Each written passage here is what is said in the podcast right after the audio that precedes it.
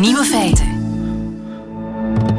Dag, dit is de Nieuwe Feiten podcast van donderdag 19 september 2019. In het nieuws vandaag de koelkastkluis. Die bestaat namelijk. Een vrouw in Ierland vond hem in haar koelkast. Bleek hij daar gezet door haar man, die er zijn chocolade en andere snoeprepen veilig achter slot en grendel wilde bewaren. Veilig voor zijn vrouw natuurlijk, die anders met al dat snoep weg zou gaan. Furieus gooide de vrouw een foto van de plexiglazen bak met cijferslot op Facebook. Met deze niet mis te verstaande tekst erbij. Zover is het dus gekomen. Je koopt samen een huis, je hebt samen een kind, je verlooft je. Je plant een bruiloft, je geeft je eigen huis op. En dan gebeurt dit. Meneer koopt een fucking koelkast safe omdat hij een klootzak is en zijn chocolade niet met mij wil delen. Is er iemand die hem wil? Dit is break-up material, toch? Ik ben vooral geïnteresseerd in die koelkast safe. Ding heet kennelijk Lockabox One en kost amper 34 euro. De andere nieuwe feiten vandaag. Alleen brandstofprijzen mogen drie cijfers na de komma hebben. Lachgas maakt dement. Hongkong heeft een rijke traditie in dissidentie. En het aantal sterk vervuilende diesels is ondanks Dieselgate een jaar of vier geleden de voorbije jaren toegenomen. Dat zegt Transport en Milieu. De nieuwe feiten van Bas Birker hoort u in zijn middagjournaal. Veel plezier.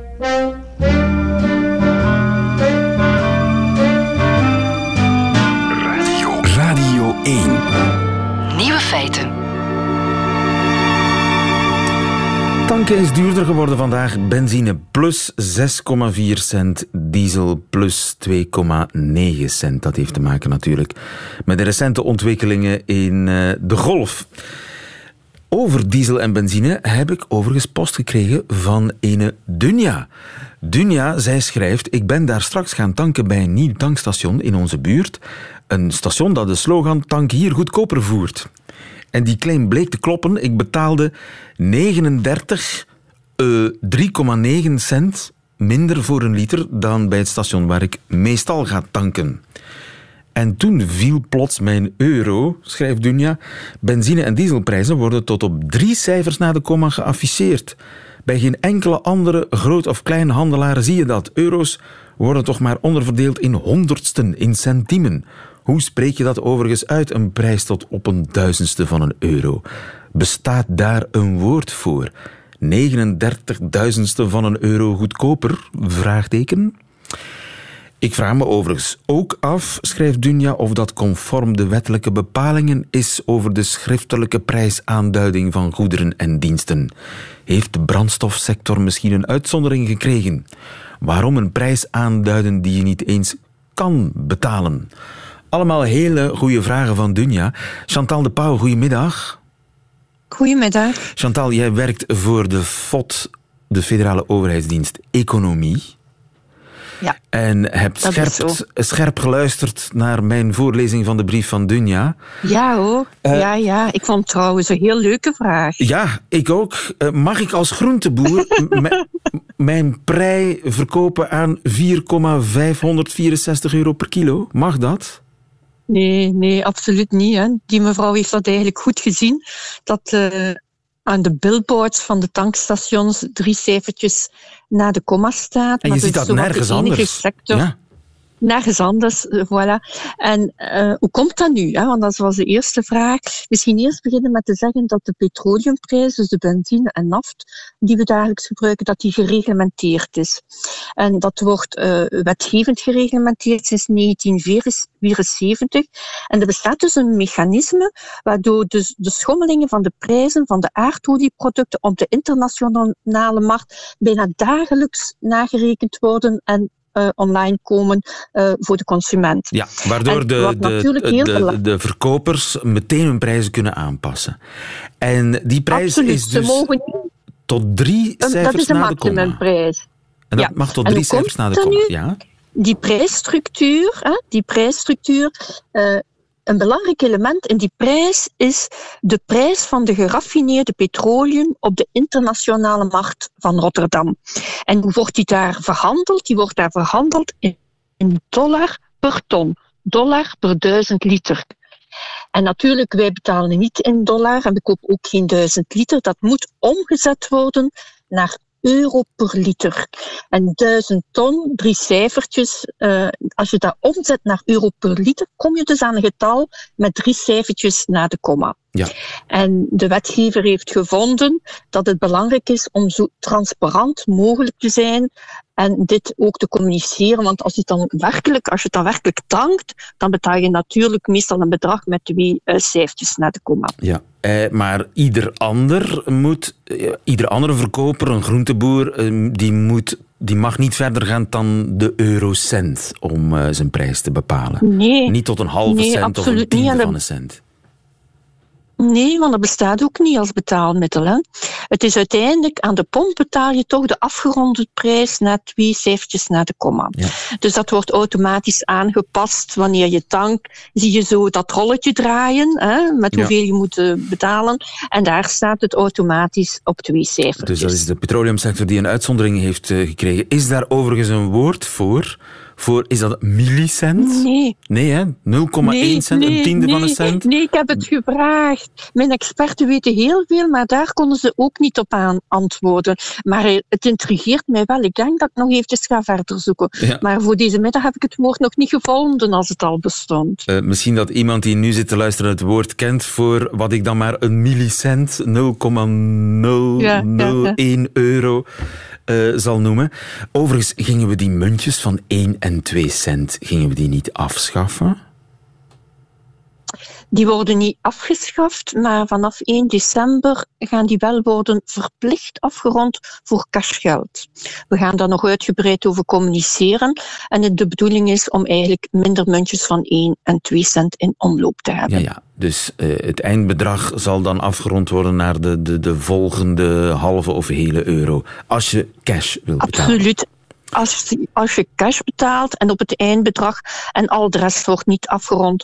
Maar uh, de minister van Economie zal daar nog de gepaste tijden uitgebreid over communiceren. Dankjewel daarvoor. Chantal de Pauw, goedemiddag. Dag. Radio. Radio 1. Nieuwe feiten. Zo volgzaam de Chinezen, zo opstandig lijkt het wel de mensen in Hongkong. Want waterkanonnen of niet, ze blijven maar betogen. Ook zondag weer, vorige zondag kwamen er duizenden mensen op straat. Ze demonstreren voor democratische hervormingen en voor de vrijlating van de mensen die al gearresteerd zijn. Waar zou die mondigheid van de Hongkongers toch vandaan komen? Veerle de Vos, goedemiddag. Goedemiddag. China-deskundige. Uh, meer dan drie maanden, hè? Mm Duren die protesten nu al? Meer dan drie maanden. En de betogers geven niet op, ondanks dreigementen, waterkanonnen, hardhandig optreden van de politie, Angst arrestaties. aan de grens. Voor mij komt die plotse bereidheid tot protesteren uit de lucht vallen. Voor jou ook? Nee, nee, lieven. De Hongkongers hebben een rijke traditie van protest. En dat gaat dan terug tot de jaren 50, toen ze protesteerden tegen de werkomstandigheden in de fabrieken, die daar toen nog volop stonden. Tegen verhoging van de prijs van de ferry. Want je hebt Hongkong Island en je hebt Kowloon aan het vasteland. Nu is daar een tunnel, maar vroeger was daar alleen maar een ferry. Toen die prijs omhoog ging, allemaal op straat. Uh, tegen het Britse gezag natuurlijk is er ook fors gedemonstreerd. En eigenlijk was dat altijd een beetje op dezelfde manier. Uh, met stenen gooien, roepen, slogans. Um, en de kleur zwart was er ook van het begin bij. Dus de mensen die demonstreerden of die in hongerstaking gingen, hadden zwarte kleren aan. En er waren altijd heel veel jonge mensen bij. Dus dat is absoluut niet nieuw. Uh, het is een culturele traditie. Is er ook een, een organisatie die zich daarmee bezighoudt? Of is dat allemaal een beetje op den bots georganiseerd? Dat is allemaal op den bots. Er zit niet echt een organisatie achter. Uh, een van de constanten is wel, ook al in de jaren 50 en 60, dat de Chinezen van over de grens zich probeerden ermee te moeien. Dat doen ze nu ook. Hè. Soms door mensen te sturen die met Chinese vlaggen gaan zwaaien, die niet echt in Hongkong wonen. Dat is ook een constante. Maar uh, nee, het is eigenlijk... Um, het is een soort spontane volksbeweging. Hun slogan nu ook is Be Water. Dus wees onvoorspelbaar, wees soms krachtig als een tsunami. En als het fout loopt, dan stroom je stilletjes weg. Dus dat is eigenlijk hun... Ehm, maar het valt toch op het verschil met de Chinezen op het Chinese vasteland? Dat, die zijn de volgzaamheid zelf. Hè? Ja, dus voor Peking is het heel duidelijk. Het is de schuld van de Britten. Uh, de Britten hebben daar een soort westerse mentaliteit in die Chinezen geïnstalleerd, die, er, die ze er niet uitkrijgen. Uh, de Hongkongers verzetten zich ook tegen alles wat ruikt naar propaganda vanuit China. 2012, als we even teruggaan, waren er ook grote protesten. En dat ging toen tegen het invoeren van een soort uh, Chinese opvoeding in het curriculum, waar dus de jonge Hongkongers zouden leren over alle zegeningen van de communistische partij, waar Tiananmen, hè, dat drama 1989, geschrapt zou worden uit alle tekstboeken. Dat is wat ze allemaal in China leren. Dat zou ook in Hongkong worden geïnstalleerd. Toen zijn ze ook massaal op straat gekomen. En dat heeft toen gewerkt, want dat uh, bepaalde vak is niet in het curriculum terechtgekomen, waardoor die Hongkongers natuurlijk nog altijd zo opstandig blijven als ze nu zijn. Belangrijk misschien om toch aan te geven van waar komt dat? Ze hebben niet veel keuze. Dus aan de ene kant heb je in Hongkong persvrijheid. Enfin, daar wordt aan gegeten langzamerhand, maar er is nog een vorm van persvrijheid. Er is vrije meningsuiting, er is Twitter, Facebook, allemaal dingen die ze in China niet hebben.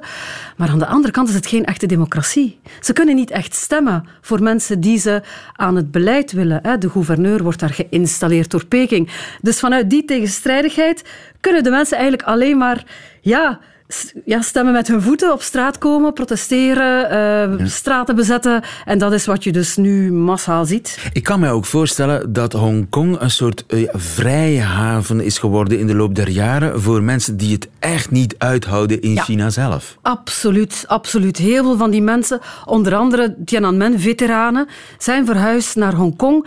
Een van de dingen die in, in Hongkong tot voor kort kon, is je kon enorm kritische boeken publiceren over de communistische leiders waar of niet, verzonnen of niet, hè, alle details over het, ik zeg maar iets, het liefdesleven van uh, Xi Jinping of alle verborgen rijkdom van zijn familie. Wat is er gebeurd een paar jaar geleden? Een aantal van die boekverkopers en die uitgevers zijn gewoon opgepakt en zijn verdwenen in een Chinese gevangenis.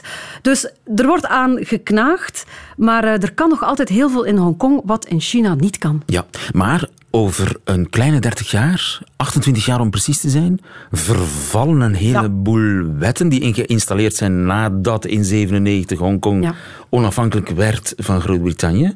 Een soort tussenfase. Mhm. Dat, ja. ja. 28 jaar is natuurlijk ver weg, ja. maar dat is een zwaard van Damocles die boven hun hoofd hangt. Absoluut, absoluut. En zeker de jonge mensen. En ik, heb, ik was in Hongkong een paar vorige maand nog. Ik heb daar mensen gezien van 14, 16 ja, voor hen die 28 jaar is zeer reëel, want ze gaan dat natuurlijk nog uh, allemaal uh, meemaken.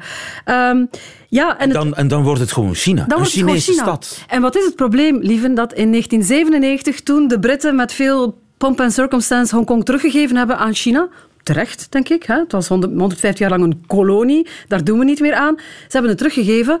Dachten ze, die 50 jaar lang, die buffer is lang genoeg. Over 50 jaar zal China wel op ons gaan lijken. Met andere woorden, de volop democratisch. En tegen dan... Hè, dat was natuurlijk de verwachting, dat China een westers, westers aandoende liberale democratie zou geworden zijn tegen dan. Ja. China zou op Hongkong gaan lijken. Wat gebeurt er nu? Het omgekeerde, Hongkong gaat steeds meer op China lijken. Dat scenario hadden wij niet voorzien. En vandaar die, al die protesten nu. Ja, en die protesten zijn eigenlijk tegen dat op China gaan lijken. Waar China ook op aanstuurt, Peking ook op aanstuurt. Die betogers protesteren de facto tegen Peking. Dat is een machtige vijand. Hè? Dat is een hele machtige vijand, dat weten ze. Uh, ze hebben iets van, als we het nu niet doen, is het te laat. Dus we hebben niks te verliezen. Ik heb echt mensen horen zeggen, we hebben niks te verliezen, het is nu of nooit. Eigenlijk, in essentie gaat het ook een beetje, um, dat vind ik ook heel interessant, tussen het... Het gaat over het concept kunnen Chinezen democratisch zijn? In Peking zeggen ze, democratie is een westers concept dat past niet bij onze Chinese cultuur. Wat past er wel bij onze Chinese cultuur? Een autoritaire leider die daar een beetje als vader, pater familias, boven het land staat, het beste voor heeft met zijn burgers. En de burgers vertrouwen die leider en hebben verder houden hun mond. Dat zien ze in Hongkong absoluut dat niet zien zitten. ze niet zo. Zij, zij verzwaaien met Amerikaanse vlaggen, uh, hopen op hulp van Trump. Ja. lijkt mij ijdel. Of? Ja, lijkt me ook ijdel. Ik heb uh, jonge Hongkongers gesproken die ook zeiden, ja, jullie moeten ons komen helpen. Uh, dus ze zeiden tegen mij, we zijn niet bang dat China hier binnenvalt, want dan gaat de wereld ons komen helpen. Hmm. Ja, ik vrees dat dat ook een beetje naïef is. Maar, uh, Gaat dat het zover komen, denk je? Ik weet het niet. Ik weet dat dit een enorme doorn in het oog is van China. Dit willen ze absoluut niet.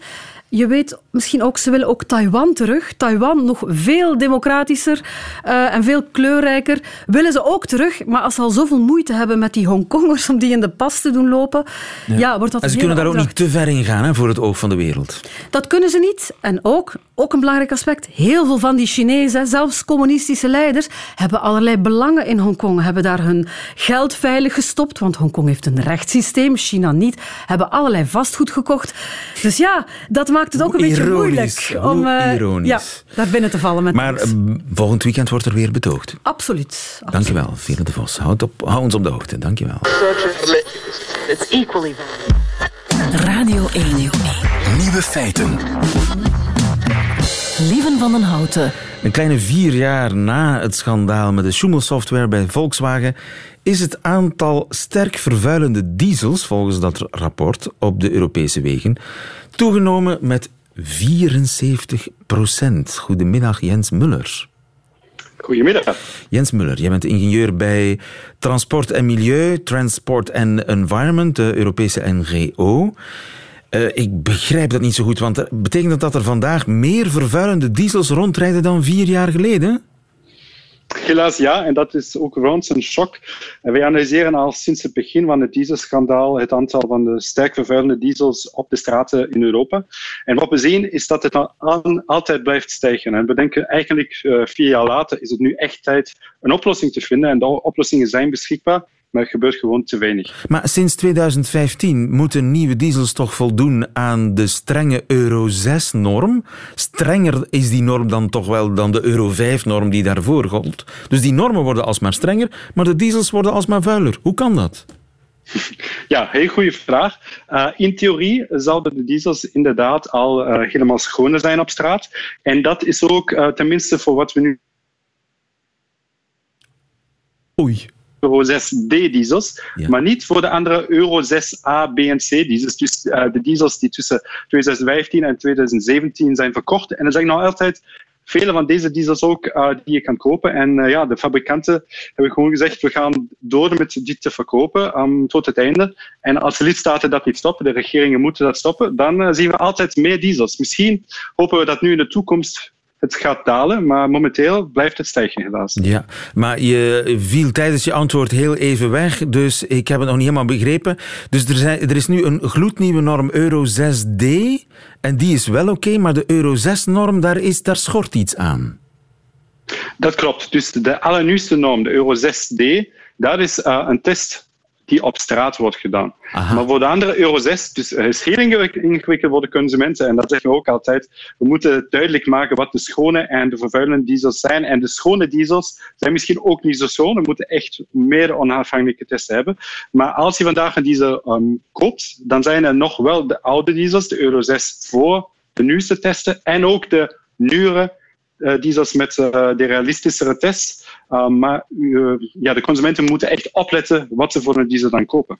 Want die, je auto kan op papier voldoen aan de Euro 6-norm, maar in de praktijk toch veel meer vervuilen dan die Euro 6-norm op papier toestaat.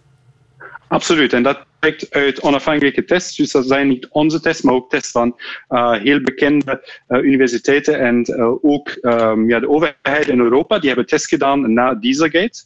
En daaruit blijkt dat echt op straat die emissies helemaal hoger zijn. En wij bekijken vervuilende diesels gewoon als vervuilend als ze minstens twee keer hogere emissies hebben dan wat is toegelaten. Dus we zijn al een beetje flexibel om te zeggen, oké, misschien een beetje meer op straat, dat kan iets gebeuren, maar twee keer en soms drie, vier vijf keer meer, dat is niet uh, mogelijk. En daarom zeggen we, we moeten echt uh, blijven testen, de, nu, de, nieuwste diesels ook. En we moeten terugroepen wat vandaag op straat is en dat schoonmaken. Ja, ja, dus er zijn auto's die vijf keer vuiler zijn op straat dan in het laboratorium. Ja, dat bestaat nog altijd en uh, uh, dat moeten we veranderen. De oplossingen zijn er, dus terugkoopacties en nu ook voor het eerste sinds deze zomer uh, hardware-oplossingen voor auto's die goedgekeurd zijn in Duitsland. En dat is allemaal beschikbaar, maar gebeurt nog niet. En ja, dat is omdat de de fabrikanten eigenlijk zeggen, we zouden graag onze winst maximaliseren, maar oplossingen voor de luchtkwaliteit en de gezondheid voor de mensen, dat moet nog een beetje wachten. Misschien in de toekomst een dag hebben we een schone auto's. Maar in principe, in theorie zou het mogelijk zijn om die vervuilende diesels terug te roepen, daar nieuwe software in te steken, zodanig dat die beantwoorden aan de echte normen. Dat is gewoon een, een kleine deel van de oplossing. Omdat ja. uh, we hebben gezien, de software updates, daar krijg je misschien een reductie van tot 25% Maar als je dan een heel vervuilende diesel hebt, dan is het niet genoeg. Dus er moet een aantal van uh, hardware updates, dus echt retrofits en hardware die je dan nu inbouwt, inbouwt uh, moet komen. En aan de andere kant zeker ook vele van de heel vervuilende diesels moeten gewoon ja, verdwenen van de straten en moeten helemaal schone auto's, ook elektrische auto's komen. Ja, en uh, geldt dat voor alle merken dat die vervuilender zijn dan uh, op papier? Voor de meeste inderdaad. Dus uh, als je het bekijkt... Zijn er merken waar cijfers... het niet voor geldt, bijvoorbeeld? Zijn er merken die er zijn wel merken braaf waar... zijn?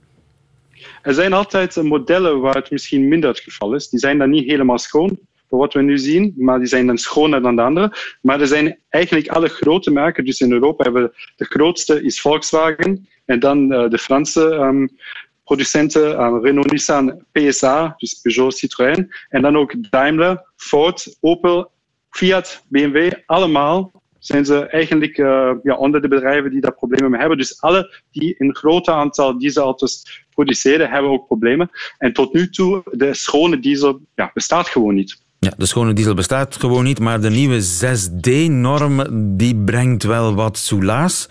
Maar dat is natuurlijk geen oplossing voor die zes auto's die de voorbije jaren zijn verkocht. Daar moet Inderdaad. nog op ingegrepen worden. Althans, dat zegt eh, Jens Muller van Transport en Milieu. Dankjewel daarvoor. Goedemiddag. Dankjewel. Radio 1. Radio 1. Nieuwe feiten.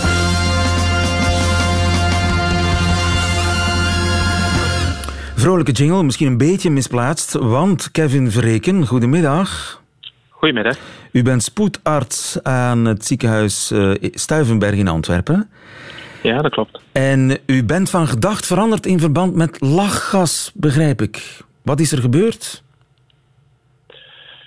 Wel, een vijftal jaar geleden kwam lachgas voor het eerst in het nieuws. En toen um, hadden we eigenlijk maar heel sporadisch uh, een patiënt die echt problemen stelde. Uh, dat waren meestal problemen uh, door zuurstoftekort in de hersenen. De fysiologie daarvan is heel ingewikkeld, dat zal ik even achterwege laten. Maar dat waren mensen met zuurstoftekort in de hersenen. Die te veel lachgas hadden ingenomen, gebruikt. Ja, waarbij dat de zuurstof het lachgas verdrinkt in het lichaam enzovoort. Dat is een zeer complexe fysiologie. Um, maar dat is, een, dat is een fenomeen dat in de, uh, de anesthesiewereld, waar lachgas uh, medisch gebruikt wordt, uh, wel gekend is. en dat, dat is een fenomeen dat we wel heel af en toe eens een keer zagen, maar zo zelden dat we eigenlijk niet het idee hadden dat lachgas zeer grote gezondheidsproblemen uh, met zich meebracht. Ja, en overigens dat probleem dat u daar dan uh, vaststelt, is dat omkeerbaar? Dat, dat zuurstoftekort en de problemen die u dan nee, dat, zuurstof, heel... dat zuurstoftekort dat is, uh, dat is definitief. De, de, schade die je daarvan krijgt, die is, die is onherstelbaar. En wat betekent dat concreet? Maar dat gebeurde zeer wel. Ja, dat kan in het ergste geval zelfs volledig hersendood zijn, maar dat is eigenlijk een beetje het beeld van een, uh, van een herseninfarct dat je dan ziet. Ja, een beroerte. Um, maar dat, dat kan effectief... Uh, maar dat komt zo zelden voor dat u niet dacht, uh, we moeten hier dringend grote maatregelen nemen. Inderdaad. Dus het, het lachgasgebruik zelf was redelijk beperkt en het aantal gevallen, ik meen me te herinneren dat het er drie waren op een tiental jaar of zoiets. Dus drie op tien dat jaar, was echt, ja. echt zeer, zeer, zeer, zeer, zeer sporadisch. Ja, maar... Maar ondertussen is het lachgasgebruik spectaculair toegenomen. Het is, en dat is een evolutie die ik uh, absoluut niet voorzien had, die ik niet heb zien aankomen. Niemand van ons heeft dat zien aankomen. Um, en wat we vaststellen, dat is dat mensen die langdurig lachgas gebruiken, um, dat bij hen er een fenomeen optreedt waardoor het lachgas een effect heeft op vitamine B12. Het gaat niet te technisch worden, waardoor het, de aanmaak van DNA in het lichaam verstoord wordt. Dat is een aanmaak van het DNA, dat klinkt ja. drastisch. Dus het lachgas tast je DNA aan. Uh, het maakt het onmogelijk voor het lichaam om DNA aan te maken. Dat is de reden waarom dat we al vele decennia zwangere verpleegkundigen uit de operatiezaal halen. Die mogen daar niet blijven werken, omdat ze daar blootgesteld zouden kunnen worden aan lachgas.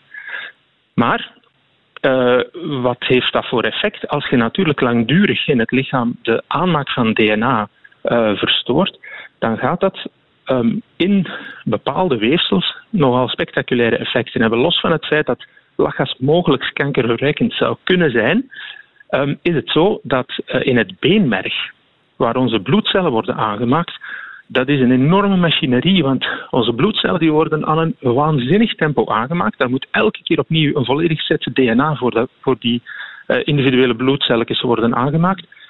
En dus we zien bij patiënten die langdurig lachgas gebruiken afwijkingen in het, um, in het bloed, hè, uh, witte bloedcellen vooral, um, in mindere mate de rode bloedcellen. Ja, en concreet welke ziektes kun je daarvan krijgen?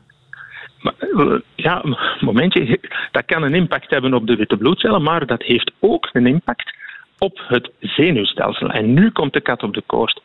De, uh, het isolatieweefsel, dus de myeline die rond de zenuwvezels zit, die moet constant worden vernieuwd. En daar gaan problemen ontstaan als er geen DNA kan worden aangemaakt. Met andere woorden, de zenuwgeleiding wordt verstoord. En dat is hetgeen dat we op de spoed meer en meer beginnen zien. Mensen die naar ons komen met chronische hoofdpijn, concentratiestoornissen, um, een beeld soms zelfs van beginnende dementie, um, verzwakking in een arm of in een been, uh, tintelingen. Heel bizarre neurologische beelden die we eigenlijk niet zo goed konden verklaren en waar we eigenlijk pas ja, door verder te gaan doorvragen achtergekomen zijn dat die patiënten bijna systematisch allemaal mensen waren die chronisch lachgas gebruikten. En dat zijn jonge mensen? Dan, wel, ik zie weinig mensen in een bejaardenhuis lachgas gebruiken. Ja. Dus, en ja, dus je ziet eigenlijk jonge mensen, jonge mensen, die dementerend zijn. Dat is, een, dat is de ergste, enfin, dat is een van de ergste mogelijke uitkomsten. Hè. Mensen met vroegtijdige dementie. Maar dat is in de wetenschappelijke literatuur effectief beschreven. Als je vroegtijdig behandelt met vitamine B12 en je stopt radicaal elke toediening van lachgas, dan kun je, ja, dan kun je de evolutie zeker stoppen en voor een groot stuk nog uh, niet doen. Maar wat zien we helaas? Dat heel wat mensen, um, als ze hun pilletjes uh, een tijd nemen, zien ze dat de symptomen verdwijnen. Die hand tintelt niet meer. En dan zeggen ze, oh, oh, het zal wel, zal wel oké zijn. En dan beginnen ze terug lachgas te gebruiken. Ik en zie, dan is de schade onomkeerbaar. Onomkeerbaar. Dus lachgas veel minder onschuldig dan het lijkt. Integendeel zelfs, ik zie op straat heel veel van die hulsjes liggen. Nog steeds. Dat, dat gaat al jaren zo. Uh, en, en, dat neemt toe. Hè, en dat neemt toe. Het wordt dringend tijd dat uh, lachgas verboden wordt. Als ik dit zo hoor. Wel, um, dat is heel moeilijk, omdat in de voedingsindustrie en in de auto-industrie lachgas um, een heel belangrijke plaats inneemt. En blijkbaar, heb ik mij laten vertellen, kan er um, toch maar heel moeilijk een alternatief gevonden hebben. Hoewel dat je natuurlijk uh, uw slagroom ook gewoon met de hand of met een mixer kunt kloppen. Ja. Um, maar, maar ik, ik, neem aan dat dat voor de voedingsindustrie en voor de auto-industrie echt niet evident is. Um, nu, ja, wat de, wat de oplossing daar, uh, daar rond is, um, ik ben daar geen expert in. Ik kan alleen maar signaleren dat wij een fenomeen zien dat we vroeger eigenlijk niet zagen en dat we, omdat we dat niet zagen, het risico van lachgas eigenlijk wat onderschat hebben. Ja, hier moet uh, dringend dus naar gekeken worden. Voilà, het is aan de overheid nu, uh, en dan kijk ik vooral naar de federale overheid, om te kijken op welke manier dat het gebruik van lachgas aan banden kan gelegd worden, um, ja, gereglementeerd kan worden. Um, om te zorgen dat dat niet zomaar um, ja, niet meer op de, op de straat terechtkomt. En misschien moet het inderdaad, moet het inderdaad verboden worden aan, uh, voor verkoop aan particulieren. Dat is misschien een oplossing. Het is, niet aan mij om dat te beslissen. Dat is iets voor de federale overheid. Dankjewel, heel helder. Kevin Verreken, dokter Verreken, dankjewel. Goedemiddag. Geen probleem. Nieuwe feiten. Middagjournaal. Liefste landgenoten. Het is zo'n beetje een dagelijks ritueel. Direct nadat ik ochtends heb ingelogd op Twitter en Facebook, moet ik eerst de instellingen veranderen van topverslagen naar meest recent. Je krijgt de nieuwste tweets meteen te zien, meldt meneertje Twitter mij in een pop-up scherm. Dat dat maar tijdelijk is, zegt het venster er niet bij. Morgen begin ik mijn dag precies hetzelfde. Mijn social media gebruik is voorspelbaarder dan wie er te gast gaan zijn in Danira en Gasten vandaag. Dat super gesofisticeerde algoritmes dat niet kunnen onthouden, vind ik al tot daaraan toe. Maar wat Facebook bombardeert tot topverslagen, vind ik redelijk zorgwekkend. Ik heb nog nooit een zweverige quote van het kortpittig kapsel geliked. En toch staat dagelijks mijn tijdlijn vol met inspirerende teksten in zes verschillende lettertypes op een achtergrond van zonsondergang met een puppy en een hartje en een spelfout. Geniet van jouw dag zonder wee. Nu niet meer, Jolanda's plaatjes. Nu niet meer. Alles wat ik heb, heb ik afgegeven aan Zuckerberg en zijn conculega's. Ze lezen mijn gedachten, horen mijn telefoongesprekken, zien mijn verplaatsingen en hebben toch geen idee wie ik ben. Als ik dat had gewild, was ik al bij mijn ex gebleven. Maar misschien zit ik ernaast. Misschien kent Facebook mij wel beter dan ik mezelf ken. Misschien weten algoritmes al lang wat ik zelf nog moet ontdekken in mijn zoektocht naar mijn ware ik. Misschien zit er diep in mij wel een 55-jarige huisvrouw die haar inspirerende wijsheden in word art wil delen met haar Facebook-maatjes. En dus zeg ik sinds deze week ja tegen Facebook. Kom maar op met je topverslagen. Een dikke duim omhoog voor alle open deuren zonder pixels. Wat zegt je algoritme? Je denkt dat ik verpleeghuis Minnewater in Brugge leuk zal vinden? Natuurlijk, liken die handel. Lang verhaal kort, ik ben nu dus lid van de groepen Tiny House België, Naturisme geaccepteerd krijgen en Cannabis Informatiegroep Nederland. Ik weet het. Ik vond mezelf ook eerder een drinkende groot grondbezitter met een slechte kledingsmaak, maar hey, als Facebook denkt dat ik een blote blower in een bungalow ben, wie ben ik dan om het tegen te spreken? Geloof me, liefste luisteraar, je persoonlijkheid laten invullen door algoritmes is bevrijdend. Vindt Facebook je een inspirerend spreker? Ben een inspirerend spreker. Vindt Twitter je een lul? Ben dan gewoon Dries. Tot die tijd, geniet van jullie middag, vriendjes. Jullie met 1 L. Ik ga even een joint opsteken voor ik uit de kledingkast ga komen. De muren van mijn tiny house komen op me af.